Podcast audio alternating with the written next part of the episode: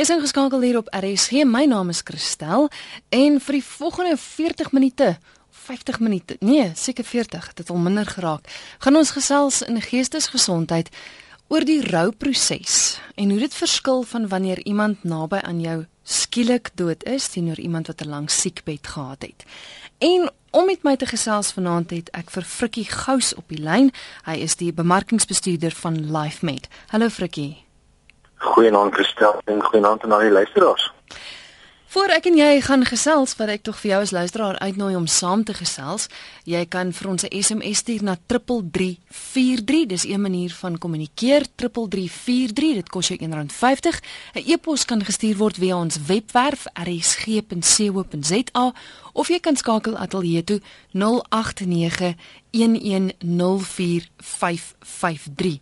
Nou ek weet Frikkie toe ek en jy vorige keer gesels het, ons het spesifiek gesels oor trauma werkers en en mense wat in die beroep staan, het verskriklik baie van ons luisteraars wat aan diens was geskakel. En ek hoop vanaand is weer die geval, maar dis nogals ek dink iets wat wat baie van hulle beleef en en ek sou nogals graag wil hoor hoe hulle dit beleef het. Ons gaan ook onder andere kyk na die versorger van iemand wat 'n siekbed gehad het of die nooddienswerker wat op 'n ongeluk afkom en die persoon gaan binne 5 minute dood na hulle ontmoet het, hoe hulle dit beleef. So, as jy een van daardie persone is, asseblief kontak ons en vertel vir ons hoe jy dit beleef. Goed Frikkie, om mee te begin. Jy het in al twee velde gestaan. Jy was verpleger gewees en jy is ook in die nooddiensbedryf. So jy kan uit al twee oogpunte uitpraat. Hoe verskil die rouproses vir as iemand skielik sterf teenoor as iemand 'n lang siekbed gehad het? Gestel ek is nie so kundig nie. Ehm um, maar die, die rouproses is in al twee gevalle eintlik presies dieselfde of dit nou 'n skielike onverwagte dood is en of dit nou 'n uh, dood is van 'n byvoorbeeld 'n persoon wat aan kanker gely het die rouproses waardeur jy waardeur jy gaan as familielid of naastebestaande van hierdie persoon is eintlik presies dieselfde uh die oorspronklike uh, as jy die nuus kry die skok en die en die ontkenning van dit wat gebeur het uh gebeur in albei gevalle. Um of dit nou 'n uh, persoon is wat waar 'n uh, kapelaan moontlik aan jou deur kom klop of 'n oproep maak en vir jou sê dat jou geliefde is nou net verlede in 'n motorongeluk. Ek dink die enigste ding wat die verskil maak is die is die tyd wat verbygaan in die twee afsonderlike gevalle van waar jy 'n skielike onverwagte oproep kry my geliefde is net gou-gou winkel toe of net gou-gou uh by iemand anders gaan kuier en jy verwag daai persoon terug. In vergelyking met 'n persoon wat siek is, uh wat na 'n dokter toe gaan en jy dan slegte nuus kry by die dokter dat hierdie persoon het nou 'n siekte, byvoorbeeld kanker en jy die persoon het net beperkte tyd oor om nog te lewe. Uh, maar soos ek gesê die die rouproses in al twee hierdie gevalle bly presies dieselfde. Maar dink jy nie tog mense het kans om afskeid te neem as iemand 'n lang siekbed het nie? Jy kan nie self of bly dit steeds 'n ongeloof ek nee maar dit bly seker 'n skok, né? Selfs verwag jy. Seker daar die initiële skok waardeur jy gaan die die ontkenning van dit kan nie so wees nie, dit kan nie met my gebeur nie. Die die pyn en die die wat wat die pasiënt self teëgaan as dit nou iemand is wat kanker het. Ehm um, bevoor ek ek noem nou kanker as 'n voorbeeld, daar's natuurlik baie ander siektes wat dit ook kan wees.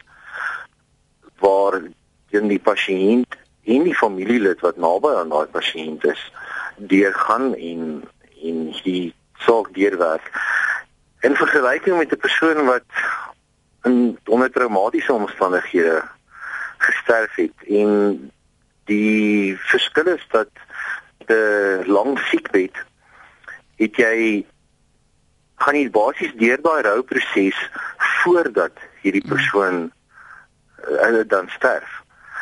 In baie gevalle en dit is nie in al die gevalle nie, maar in baie gevalle het ons al gesien dat wanneer hierdie persoon dan nou afsterwe, is die die familie al heeltemal deur hierdie rouproses. Is hulle al klaar by die laaste proses van die van die van die van die rouproses waar hulle eh, aanvaar, maar dit is hoe dit gaan wees. En natuurlik die die teenoorgestelde is natuurlik waar ehm um, van 'n uh, 'n traumatiese dood waar jy jy kan nie hierdie proses saam met hierdie geliefde van jou deurgaan nie. Mm. Jy gaan hierdie proses op jou eie deur en dit is skielik. Jy het 'n baie baie kort tydjie om deur hierdie rouproses te gaan want dit gebeur nou skielik onverwags. Daar's niks wat jou voorberei daarvoor behalwe 'n telefoon oproep of klop aan jou deur mm. en waar iemand jou kom meedeel uh, en en 'n doodsberig kom doen. Ek het oproepe wat deurkom, kom ons hoor gou wat sê die luisteraars. RSG goeienaand. Goeienaand, Christel. Ja. Ek is Gerda Grobler van Muisna. Ja, Gerda. Ek het my man 7 weke lank na hom gekyk. Hy was in 'n koma. Drie keer by gekom, baie die mekaar. Hallo, kan jy my hoor? Ja, ek hoor jou. En een keer was hy baie volle positiewe. Ehm um, ek kan byvoorbeeld nou nog nie eers na 'n foto van hom kyk nie. Ehm um, ek lewe van 'n ouderdomspensioen. Ek sit met 'n asiel my nuwe woonstel. Dit kos my ongeveer 700 rand om sy as in 'n nuwe van herinnering te sit. Ek het nie daai geld nie ehm um, ek kry nie closure nie. Dit is my verskriklik. Ek en hy was so lief vir mekaar. En ehm um, ek ek kry nie nie reg om sy dood te verwerk nie. Ek bid elke dag ag Here stuur net vir my iemand met daai 700 rand wat ek hom dit voel of hy dood is maar nog nooit begrawe nie. En ehm um, Ek kry dit nie vir werk nie. My woonstel is vol foto's. Ek kan nie eens dan kyk nie. Gerda, mm, ekskuus ek weet dit is onmoontlik om te vra seker en te vergelyk, maar dink jy dit sou 'n verskil gemaak het as hy as hy skielik gesterf het en as jy nie vir 7 weke lank na hom moes kyk en moes sien hoe hy ly nie, dink jy dit sou 'n verskil gemaak het? Ek dink so. Uh of as 'n mens geweet het Ehm um, ek weet nie. Ek het altyd vir die suster van Hospice wat elke dag 3 maal op 'n dag net sy morfine kom ry. Hy was op 'n syringe drive. Ek het vir gesê ek dink hy's gereed. Die Here kan hom nou maar kom haal. Mm. Maar mens is nooit gereed nie. Dis die grootste leuen wat ek ooit vertel het. Mens is nooit gereed nie. Baie dankie dat jy geskakel het en sterkte daar vir jou, hoor. Baie baie dankie. Dankie Gerda. Ja, frikkie mens kan hoor dat ek, ek wonder partykeer mens dink so dis makliker as jy 'n pad met iemand kan stap en kan afskeid neem, maar ek dink Gerda is 'n sprekende voorbeeld daarvan dat dat sy sy kry nie vrede nie. Uh, Christel, dit is natuurlik soos ons gesê het, anders vir elke uh, persoon en elke omstandighede. Vir 'n uh, paar wat wat vir baie jare getroud was, alles in hulle lewe met mekaar gedeel het en vir soveel jare al saam is om dan natuurlik ewe skielik te moet afskeid neem is is natuurlik nie maklik nie. Die omstandighede is anders vir elke liewe persoon. Die ongelukkig die stadiums van die rou is daar ongelukkig absoluut nie 'n tydlyn aan nie. Niemand kan vir jou sê dat jy moet binne 6 maande of binne 'n jaar deur hierdie rouproses wees nie. Vir party mense is dit wel moontlik om om binne 'n baie kort tydjie deur hierdie rouproses te kan wees mm. en op die stadium te kom wat hulle dit aanvaar en wat hulle weer met hoop kan kyk na die toekoms. Maar vir baie ander mense is dit nie so maklik nie.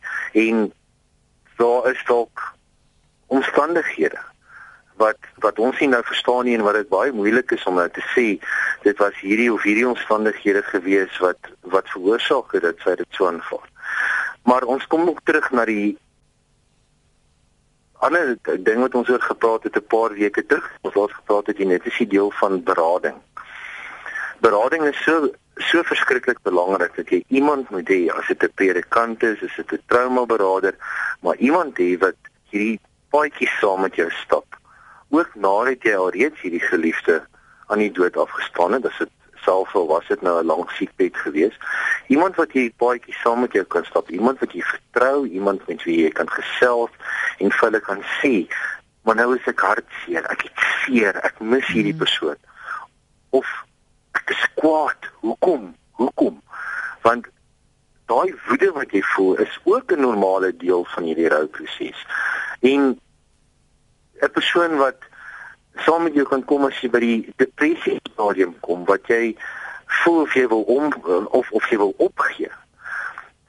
En dit is waarom ons week na week op hierdie program eh, daar gereeld gepraat word van die belangrikheid wat berading en wat wat so 'n persoon uh speel kan speel in jou lewe en dat daar iemand moet wees met wie jy kan praat as jy op jou, jou op jou alleenste voel.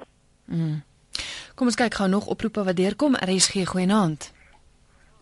Hallo, my naam is Dion Knobel, ek bel uit Kaapstad. Hallo Dion. Ja, ek luister met belangstelling. Ehm uh, ek het albei beleef.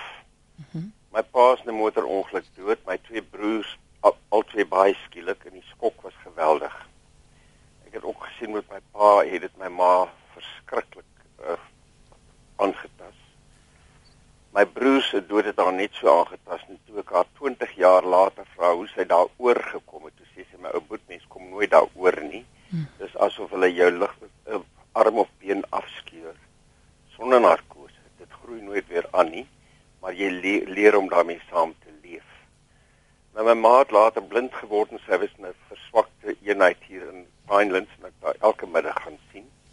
En ons het haar hele lewe herleef gesprekke elke middag van haar kinderdae van haar pa wat in Ceylon was. En toe sy skielik in 'n koma gegaan een aand en ek het die heel nag by haar gesit. En sy het skielik helder in 'n helder stem gesê: "Ek sien julle almal aan die ander kant." Dog ek nou sê jy mekaar toe sê watter ander kant? Toe sê sy ander kant van die rivier. Sê ek nou maar watter rivier? Toe sê sy die rivier wat ek nou wat wie julle almal almal julle my kinders. Mm watter rivier die rivier wat ek nou moet oor. En haar dood was my glad nie 'n skok nie. Dit was vir my mooi. Mm. En my lewensmaat van 39 jaar wat baie ouer was as ek, het het geleidelik verswak en toe die laaste maand of wat het hy baie erg siek geword. Ek moes dag en nag verpleging kry. En toe die einde naby kom, ek gaan baie vinnig praat uh het ons tyd gehad om afskeid te neem. En vir mekaar te sê hoe ons mekaar waardeer deur die lewe. Toe roep hy sy hondjie en ek sit sy hondjie onder sy hand. En toe hy sy laaste asem uitblaas, te begin sy sulke bewegings met haar kop maak asof sy hom toestoot. Ooh. Toe vat ek haar af na die uh, beton plat plaat daaronder waar sy altyd haar toilet geriewig doen. Toe staan 'n goudbruin skoenlapper wat rillend in sy laaste rillings van transformasie is. En toe ek by die lewensmaat van my se bonsai boontjie verbyloop, is daar 'n klein baba gekko geitjie. Mm. Wat ek toe afhaal en weggooi in die groot bos laat die kat hom nie vang nie. Vir my was dit so 'n wonderlike ervaring van lewe, dood, transformasie, 'n nuwe lewe. Mm. Dat die rouproses werklik ek dink mense het gedog ek gee nie om nie. Maar daar was nie die diep rou proses nie. Nou net die laaste ding wat ek ek het 20000 like scouts gedoen en ek het mense gesien met die skok van die skielike dood. Ek glo die skok is baie groter en die proses van die rou proses van Kubler-Ross vat langer om klaar te maak as die ene wat geleidelik sterf. En ek as iemand dan nou na 'n lang siekbed sterf en ek moet simpatie uitspreek die naasbestaandes, dan sê ek wat kan mens sê? Vir hom is dit 'n verlossing. En vir julle is dit 'n verligting dat julle nie langer die geliefde moet sien ly nie. Dis hoe ek dit sê. Ek is ek is so bly jy sê dit want my vraag was gewees kom mens nie op 'n stadium op 'n punt dat jy voel ek kan nie meer om om die persoon so te sien ly nie. Dit gaan beter wees dat as hy of sy gaan. Kom kom eens op so 'n punt. Dis wat ek glo en daarom Hmm. wat kan jy nou anders? Jy kan mos nie vir iemand sê wat jy weet die persoon gaan oor 6 weke definitief sterf. Sê, "Haai man, ons is so jammer om te hoor dit het gebeur." Hmm. Daarom het ek die die woorde gekry. Wat kan ek verder vir jou sê? Sterkte, maar dis 'n verlossing vir hom en 'n verligting Hmm. vir jou dat jy nie langer die lyding hoef te aanskou nie. Dion baie dankie vir die bel, hoor. Dankie hoor. Goed, totsiens. Ek kry nou hier van anoniem 'n e-pos frikkie wat sê hoe verwerk jy dit as jy 'n geliefde sien sterf of jy word wakker en die ou lê langs jou dood. Veral as dit nou iemand is wat wat ek neem aan dalk 'n lang siekbed gehad het en die persoon is skielik oorlede langs jou. Hoe hanteer mens dit? Ek meen jy wat nou uit die ambulans agtergrond uitkom en jy is van life met hoe hanteer selfs die die die nooddienswerkers as hulle aan 'n persoon werk en en skielik net is dit verby? Dis stel daai rouproses, daai daai skielike dood van die skielike besef dat die persoon wat langs my gaan slaap het, is nou nie meer daar nie is natuurlik van die deel van die traumatiese proses van hierdie persoon is nou skielik nie hierson nie en die skok en alles wat daarmee saamkom. Wat die nooddienste aan betref natuurlik as hulle op die toneel aankom, uh is is hulle eerste prioriteit om te probeer om hierdie persoon se lewe te red. Ehm um, en daarmee saam natuurlik om om te sien na die familie en en wie anders ook al op die toneel is. Ehm um, nooddienswerkers sal sal baie baie min op die toneel regtig emosie wys. Ehm um, dit is maar hoe hulle opgelei is, jy moet werk met dit waarmee wat daar vir jou lê en wag, die die pasiënt wat seer gekry het, die pasiënt wat baie siek is of die pasiënt wat nou net gesterf het. In die meeste gevalle wat die nooddienswerkers aan betref, kom hierdie uh, die die skok en die die die trauma gebeur maar na die tyd eers. Ehm um, dit gesê, moet ek ook al vir jou sê dat daar wel al tonele was waar wat wat so traumaties was vir die nooddienswerkers daar sodat ek groot manne gestaan gesien huil het op tonele. Ehm um, vir die veral waar kinders by betrokke was. Ehm um, en dit is natuurlik net so traumaties vir hulle ook want elke keer as as so iets gebeur dan besef jy dat almal van ons het ook families by die huis en almal van ons sit ook in hierdie selfde situasie waar jy weet ek is ek is ook 'n pa, ek is 'n nooddienswerker.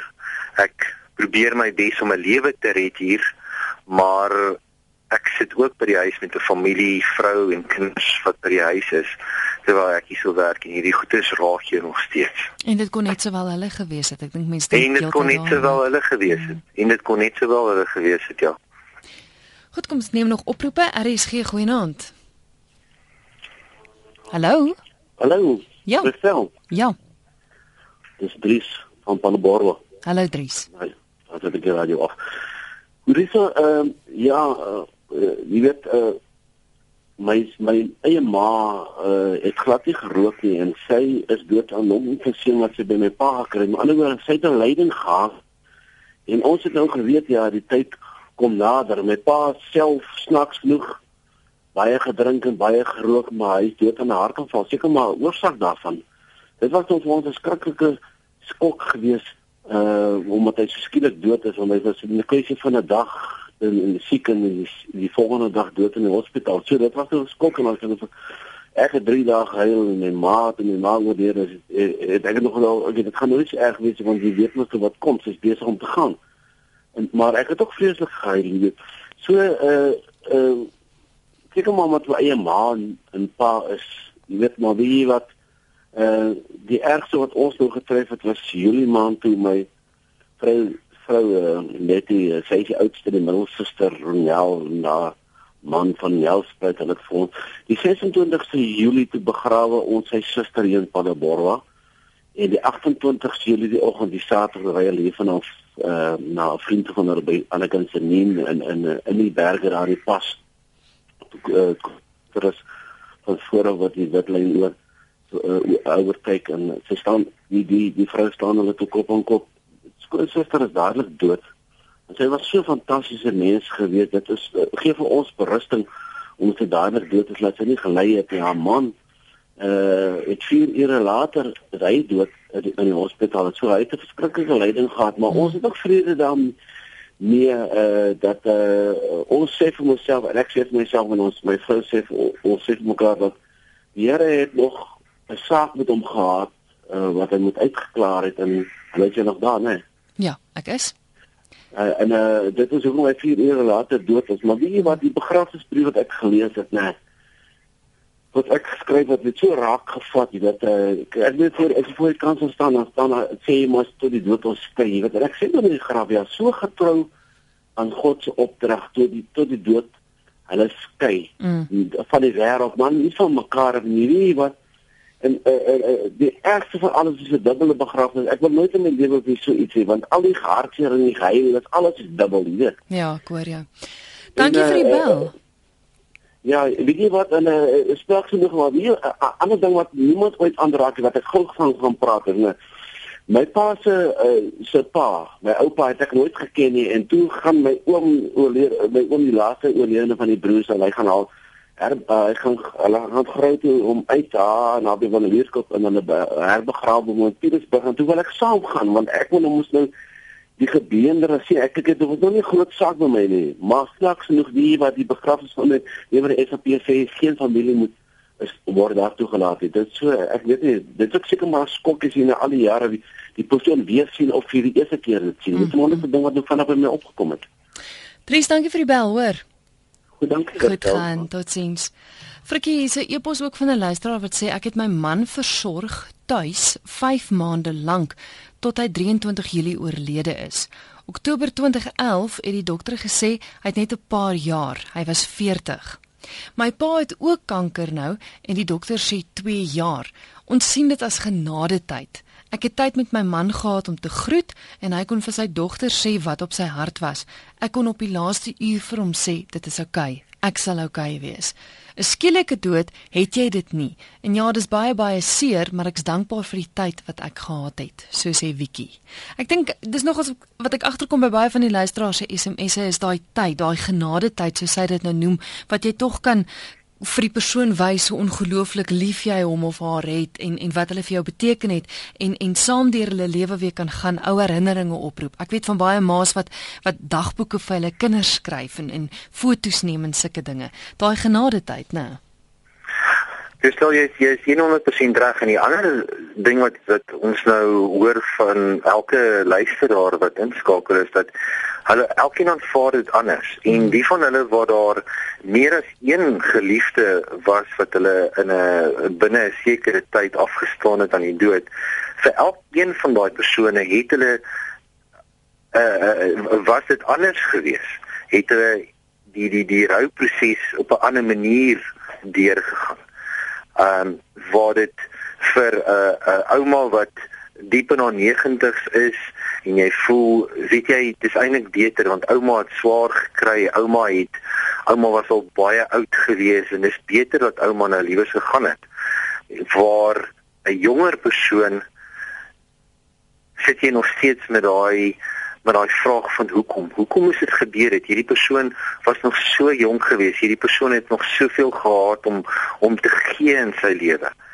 En so vir elke liewe geval en en selfs binne in dieselfde familie gaan jy anders daaroor voel en gaan jy gaan jy die die rouproses gaan jy vinniger of langer deurgaan afhangende van die omstandighede van daai persoon wat jy moet afstaan. Ons het al dikwels oor die dood gesels en en dis wat al my gaste nog altyd gesê het is is dit vat vir elkeen anders. Party mense het 10 maande, ander 2 maande, elkeen se rouproses is anders en jy moenie skuldig voel as jou nou langer is as jou buurvrou se nie. Absoluut. Dit is dit is so belangrik dat jy nie moet kyk omdat jou buurvrou wat haar man in die dood moes afstaan en dit het haar net enkele maande gevat en sy was deur die proses en sy het dit aanvaar en iets baie belangrik hierso is soos soos wat uh, een van die inbellers voorgesê het ek dink dit was Dion geweest gesê het jy jy kan nie maak asof die persoon nooit deel van jou lewe is nie maar jy leer om te aanvaar om daarmee saam te leef dat hierdie persoon nie meer daar is nie. Nou jy kan nie dink dat omdat jou buurvrou vir haar was dit net 'n paar maande gewees en toe sy deur hierdie proses en nou is dit vir my al 'n jaar of langer en en ek lewe nog steeds in hierdie ding en met hierdie rouproses wat nog steeds aan die gang is. Dit gaan anders wees vir elke liewe persoon want die omstandighede verskil vir elke persoon. Ansa skryf in haar SMS my maat by my gebly en in die badkamer geval. Ek het nie gehoor nie en my ma het net daar gesterf met my in die huis. Dis amper 2 jaar gelede en die prentjie is nog elke dag helder in my. Ek het haar nie hoor val nie. Ek was nie daar vir haar nie. Ek kan myself nooit ooit vergewe nie. Ek dink dit gebeur dikwels dat jy daai selfverwyte het as 'n geliefde naby aan jou dood is. Watter raad het jy vir Ansa? Dan ons sien van tyd tot tyd as nou dienswerkers waar jy op so 'n tipe insident afkom waar jy 'n oproep kry en dis die tipe insident waarop jy instel by 'n huis.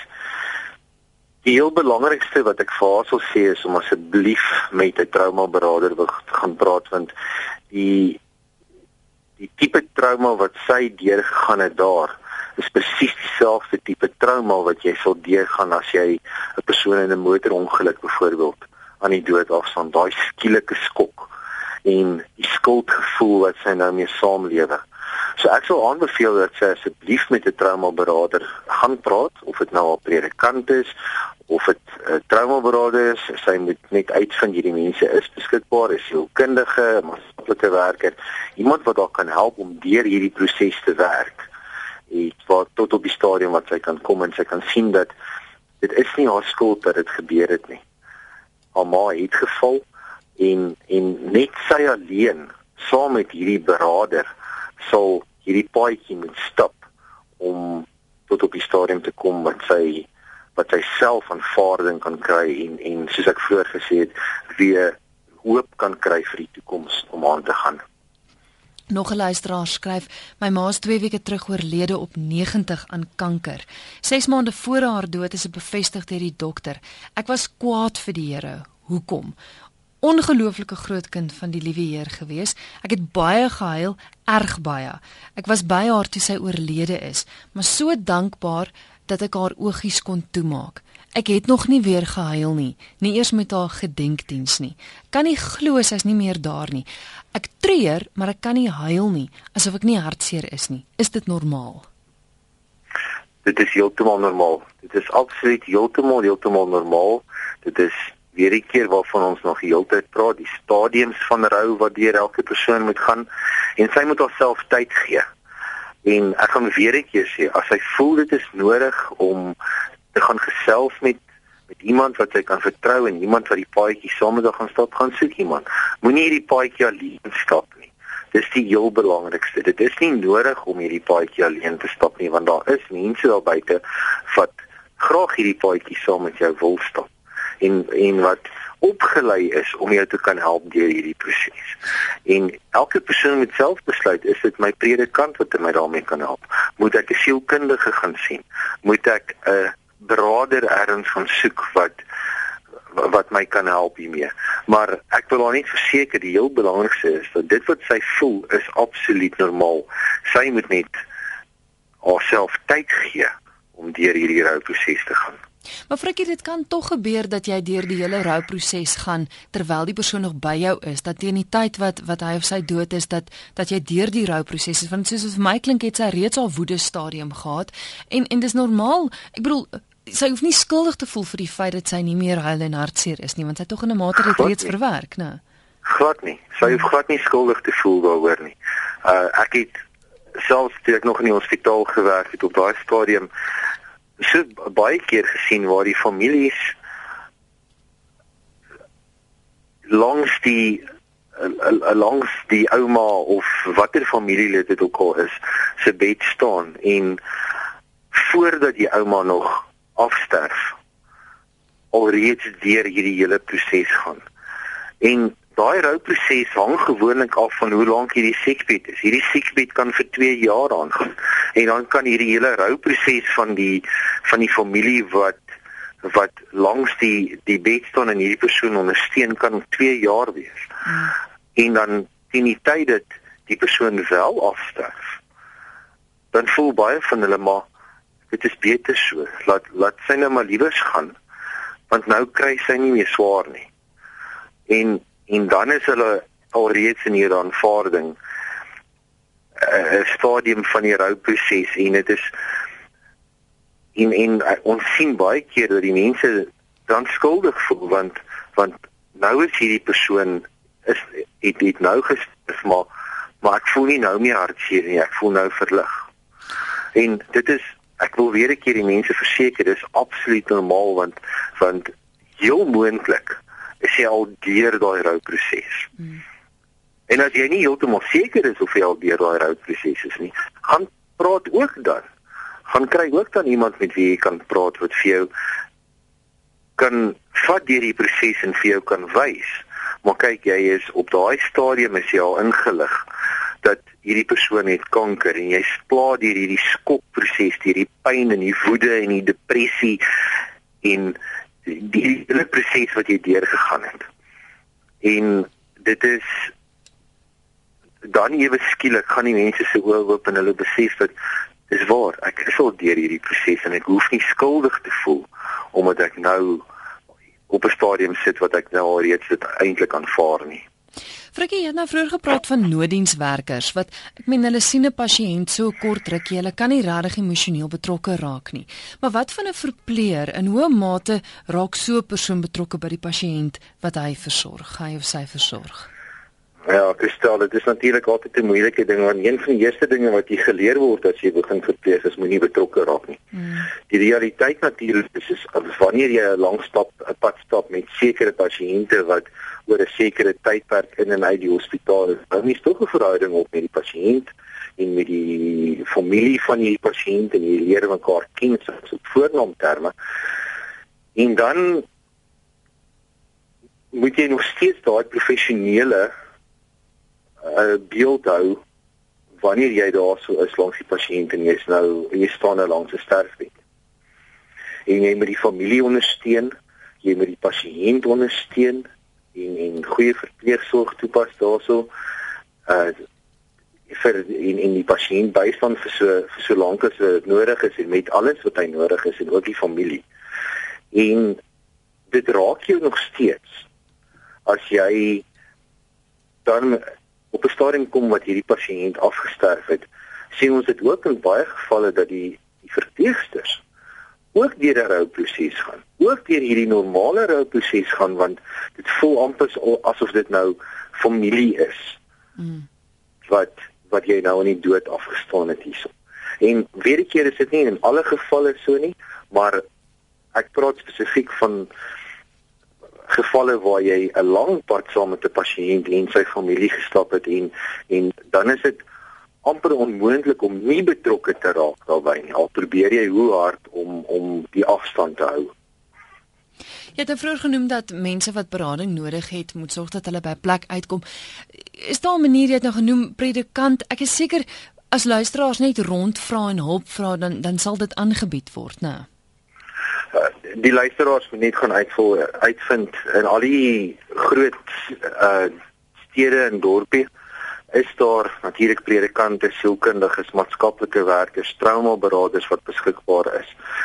Ons het al die vorige keer toe ons gesels het gestel is half mense wat gesê het maar hulle het nie geweet hierdie mense is beskikbaar nie. Hmm gaan vind net uit, gaan vra net rond en daar is iemand wat jou sal kan help want daar soveel by soveel van die groot stede is daar uh kerke wat ook hulle eie trauma sentrums daar het wat uh trauma opgeleide trauma beraders daar beskikbaar het. Uh hier in Pretoria byvoorbeeld is daar is daar 'n hele paar verskillende trauma beraders en sielkundiges en maatskaplike werkers wat wat beskikbaar is om mense te help. So jy moet net gaan rondvra, jy moet net gaan uitvind en die meeste hospitale het ook uh kontakbesonderhede van hierdie persone wat jou kan help om om deur hierdie proses te gaan. Frikkie, ek wil hê ons moet vanaand se program afsluit oor 'n baie spesiale dag wat wat jy gereël het. Dit is 'n dag vir nooddienswerkers, 'n biddag vir nooddienswerkers. Vertel my gou-gou van die dag en die doel van die dag. Ek stel ja, ek is baie opgewonde oor hierdie oor die dag. Dit is die derde jaar wat ons dit nou reël. Dit is 'n biddag wat ons reël in Pretoria vir al die nooddienste, privaat ambulansdienste, staatsambulansdienste, polisie, metro polisie, brandweer, trauma beraders, die kapelaansdiens, almal kry ons bymekaar en ons gaan 'n kerkdiens hou op die 12de Oktober. Dit gaan plaasvind by die NG Kerk Waverley, uh, wat in 30ste Laan is in in Valeria. En hierdie dag het ons begin om 'n spesiale dag daar te stel vir die nooddienste. Jy weet gestel dit, dit gebeur soveel keer dat uh kom ons vat die scenario van 'n motorongeluk. Op hierdie motorongeluk sit jy daar so met die polisie en metropolisie en brandweer en en verskillende ambulansdienste en almal is besig en jy hardloop verby mekaar en jy leer 'n gesig ken later maar jy ken nie regtig die persoon nie. So hierdie is 'n eerstens 'n geleentheid waar die die verskillende nooddienste bymekaar kan uitkom en en bietjie kan op 'n op 'n ander vlak ehm um, kan kan sosialiseer met mekaar. Dit is ook natuurlik soos ek gesê het 'n gebedsgeleentheid en 'n kerkdiens waar ons vir die Here vra vir beskerming, waar ons ook 'n uh, tyd vat om te bid en te dink aan die wat gedurende die jaar in die uh, uitvoering van hulle take gesterf het. En natuurlik is die gemeenskap ook meer as welkom om hierdie dag by te woon. Ons wil baie graag hê want hulle hulle moet die dag bywoon want hier is die geleentheid vir die gemeenskap daar buite wat elke dag die ambulanse en polisievoertuie en brandweerwaans sien op en af jaag in die strate om ook by mekaar te kom met die helde stop buite wat hulle tyd gee en en soveel van hulle self gee elke dag om ander mense se lewens te red om ander mense se lewens vir hulle makliker te maak. En ek dink dit is so, ons ons publiek se manier om vir julle dankie te sê, né? Ek dink dit is nodig. Ek dink dit is nodig vir die nooddienswerkers om om net te hoor ouens ons sien wat julle doen. Ons ons mm. waardeer dit wat julle doen al en ons weet dit is 'n baie uh, ondankbare werk wat julle doen, maar ons gee regtig om vir julle. En my uiteindelike doel met hierdie dag is dat ons dit op nasionale vlak kan vier dat daar oor die hele land en al die al die groot sentra so 'n dag sal wees waar ons kan omgee vir die wat elke dag vir ons omgee. En dat daar 'n kans sal wees vir die gemeenskap en al die nooddienste om by mekaar uit te kom en vir mekaar 'n druk te gee en 'n handskrif te gee en te sê ek gee om vir jou jy doen goed en ons waardeer jou vir wat jy doen.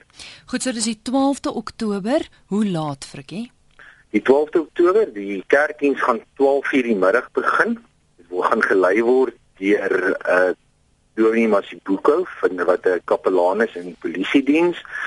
Dan gaan hierdie dit gaan gebeur 12:00 om 1:00 of of net na 1 gaan ons uh, vir 'n minuut lank so 'n bietjie geraas maak daarso. Ons gaan al die noodvuurtuie wat wat buite kan die kerk geparkeer is vir 'n minuut lank die sirenes en die en die ligte aanskakel want dit is tog waarvoor ons bekend is mm. en dit is wat die eenheid wys tussen die verskillende nooddienste dat ons bymekaar kan kom en en seker maak almal hoor ons almal weet van ons ons is daar. Vir enige navrae hoe hoe kontak die luisteraars jou? As hulle enige navraag wil doen, is hulle welkom om my selfoonnommer gee waar hulle my kan kontak of my e-mailadres. My selfoonnommer is 082 087 6860 082 087 6860 of alternatiefelik my my e-mailadres is marketing@lifemed911 dis een woord lifemed911.co.za Frikkie baie dankie vir vanaand se gesels en uh, ek hoop ek sien jou die 12de Oktober baie dankie Christel ek sien uit daarna en ek hoop dat daar soveel as moontlik mense daar kan wees dat daai kerk daar van die NC Kerk waar jy te klein gaan wees vir al die mense. Fantasties. Lekker aand vir jou Frikkie hoor. Baie dankie Christel, lekker aand vir jou ook. Goed gaan. Dis dan Frikkie Gous met wie ek gesels het. Hy is bemarkingsbestuurder van Life Met. Dis dan die 12de Oktober wat daardie kerkdiens plaasvind. Ek dink nogals dis 'n wonderlike inisiatief van hulle en kyk of jy ook die 12de Oktober daar kan wees dat ons vir ons nooddienspersoneel kan gaan dankie sê.